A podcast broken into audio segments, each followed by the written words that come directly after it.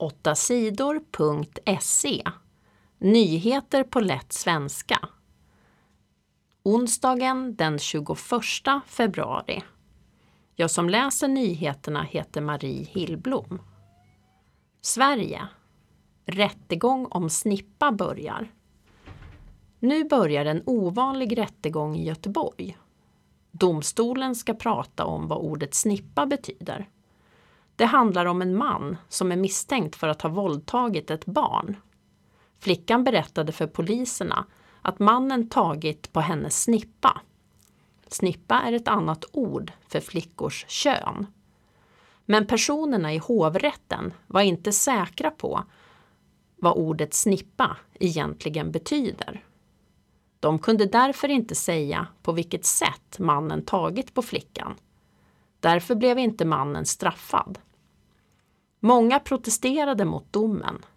De tyckte att personerna i domstolen skulle tagit reda på vad ordet snippa betyder. Sveriges viktigaste domstol, Högsta domstolen, bestämde att rättegången skulle göras om. Högsta domstolen sa att det var fel att inte straffa mannen. Domstolen visste att mannen tagit på flickans kön. Det är ett brott. Om han inte straffades för våldtäkt borde han straffats för ett annat brott. Nu börjar den nya rättegången. Åtta sidor. Sverige. Man lurade gamla på pengar. Poliserna har tagit fast en man som är ungefär 30 år. Mannen ska ha lurat gamla människor som bor nära Stockholm. Han har tagit pengar från dem, säger poliserna. Poliserna säger att mannen har lurat gamla på olika sätt. Han sa till en 94-årig person att han jobbade för hemtjänsten. Sedan stal mannen 94-åringens bankkort. Han har också lurat gamla att använda bank-id i deras mobiltelefoner. Sen har han kunnat ta deras pengar. Mannen har också tagit ett bankkort från en gammal person. När mannen sen skulle ta ut pengar med det kortet blev han fångad på film. Efter det kunde poliserna ta fast honom. De senaste tio åren har det blivit vanligare att gamla människor blir lurade på pengar på olika sätt. Nyligen hade regeringen ett möte med bankerna. Regeringen vill att bankerna ska göra mer för att stoppa att gamla blir lurade. Åtta sidor TT. Världen.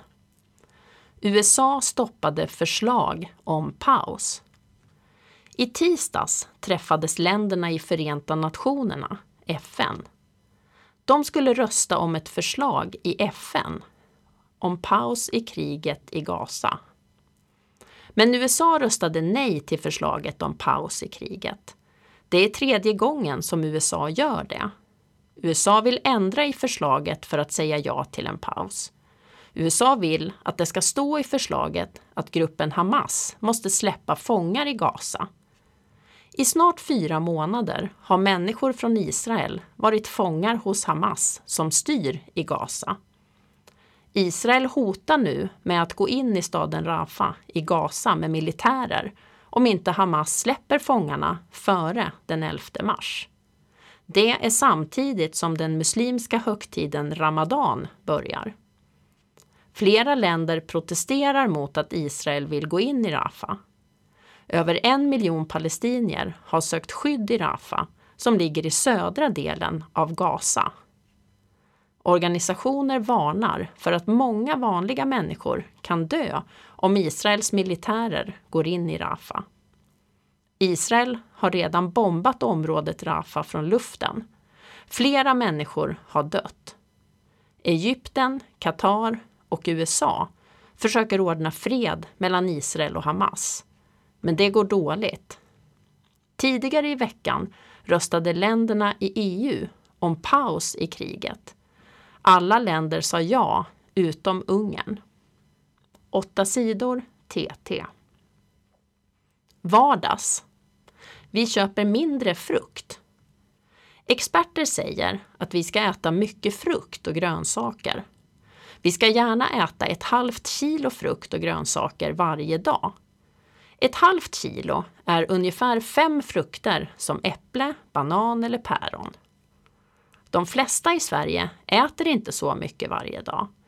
Nu köper vi dessutom mindre frukt och grönsaker än tidigare. Det säger Organisationen för landets affärer. De har kollat hur vi handlade förra året. Vi köper mindre frukt och grönsaker för att mycket blivit dyrare, säger organisationen. 8 sidor TT. Äter du fem frukter eller grönsaker om dagen? Du kan rösta på 8sidor.se.